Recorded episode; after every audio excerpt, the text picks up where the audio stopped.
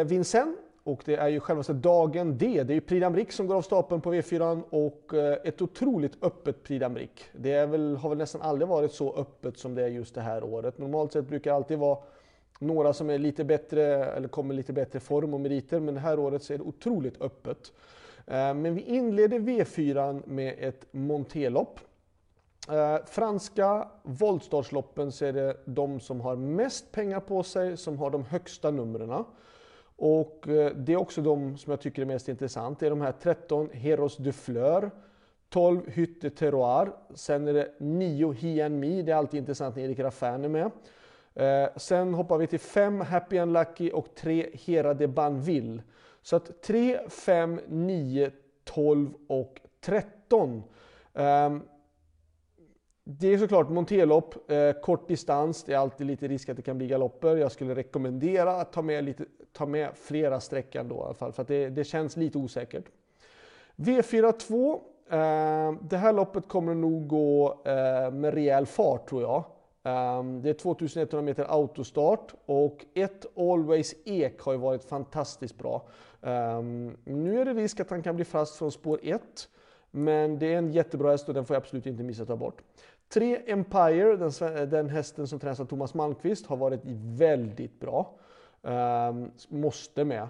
Ehm, 4 Equinox, det är en häst som jag tycker jag har sett att träna ganska bra, men han har så bra utgångsläge och det är Mathieu Brevard. Det kanske är det lyxstrecket jag plockat med i sådana fall, men kan vara farlig. 5 eh, Velvet Gio, absolut. Och sen 7 Freeman som är otroligt stark och rejäl om han eh, håller sig liksom på benen. Och sen vill jag med såklart självklart Jean-Michel Basir som man nästan alltid får ta med, man får inte ta bort honom. Eh, och det är då nummer 16, Heading Reference. Så att eh, 1, 3, 4, 5, 7 och 16.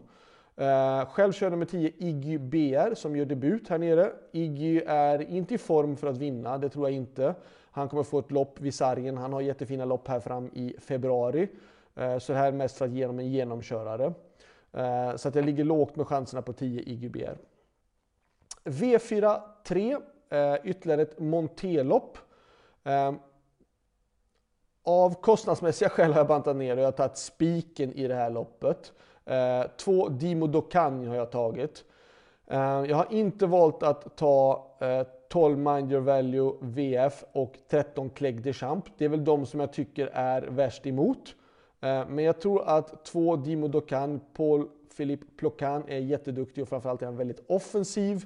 Ehm, jag tror att han kommer att köra till ledningen. Hästen var väldigt bra när den vann eh, senast och jag tror att man kommer göra om det. Jag tycker att han står bra, bra på det på alla sätt och vis. Eh, jag tror att det blir svårt att plocka 25 meters tillägg och Mind Your Value VF, ja han var ju inte eh, lika bra senast och han är också allra bäst när han får vara med i ledningen. Eh, 13 Clegg de Champs är ju en sån här rutinerad häst som alltid går bra sista tusen. Väldigt, väldigt stark och rejäl häst. Men jag tror att det blir svårt att plocka 25 meter på två Dimo Dokan. V44. Eh, självaste Prix Rick. Eh, som sagt, ett otroligt, otroligt öppet lopp och svårt att tippa. Eh, det finns inte många hästar i det här loppet som kan göra mycket. Alltså, det är ingen Facetime Bourbon med, det är ingen Belina Josselin med. Eh, men de som jag tycker är, om man nu ska säga sticker upp lite grann mer än de andra. Och då tycker jag att det är nummer 9, Etonant, som slog Facetime Bourbon den senaste gången och är väldigt stark och rejäl och kan göra arbete själv.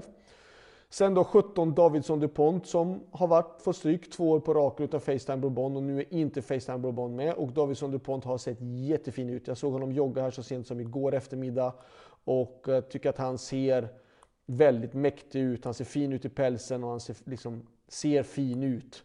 Um, så jag, på förhand så tror jag att det står mellan 9 och 17. Men uh, om vi börjar från de låga numren. 1 Gallius. Gallius gick inte så dåligt senast och gick med skor. Jag vet att han är sträckad till låga procent, men han är ganska så rejäl. 2 Fado 7 absolut ska med. Eh, det är Jean-Michel Basis egna styrning. Att han kör den är väl också för att han är uppfödare och delägare.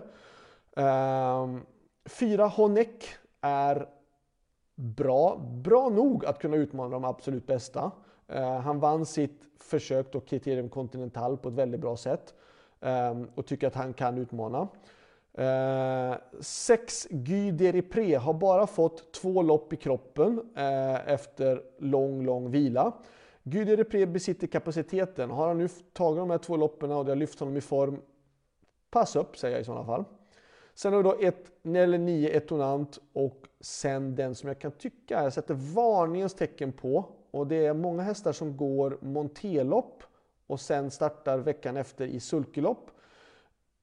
Brukar få liksom, och ibland när man startar vecka vecka kan hästarna få liksom en kick framåt i form, form, formtoppen också. Ibland så många gånger så sätter det klart bak dem. Men ibland kan de få en jättekick utav det. Och 10 Flam du Gautier han, hon gjorde ett fantastiskt Prix de Cornelier, avslutade som fortast utav allihopa, var minst trött utav allihopa. Och det var ett monterlopp och nu då kommer hon ut en vecka senare i ett sulkelopp och jag tycker att det är den stora varningen i hela V4-omgången. Nummer 10, Flam du Gautier. Så det var allt. Jag glömde jag säga det såklart. Den hästen jag kör, nummer 12, Sacon Gio, får jag såklart nämna. Eh, Sakongio eh, ser fin ut. Jag tycker han har tränat, han har sett okej okay ut. Frågan är bara om han är verkligen anpassad för den stora banan och gå uppförsbacke och nedförsbacke. Sista loppet fick han en tuff inledning på loppet och vart väldigt trött. Näst senast så smögs han och spurtade bra och såg fin ut. Han har tränat, tycker han sett helt okej okay ut. Um, för att jag ska vinna så krävs det väl att jag får ett optimala resan och att de andra får lite krångel på vägen tror jag. Då kan vi ha en chans att vara med där framme. Uh, så det var allt. Lycka till! Hoppas ni sätter V4 så hörs vi igen. Ha det bra. Hej då!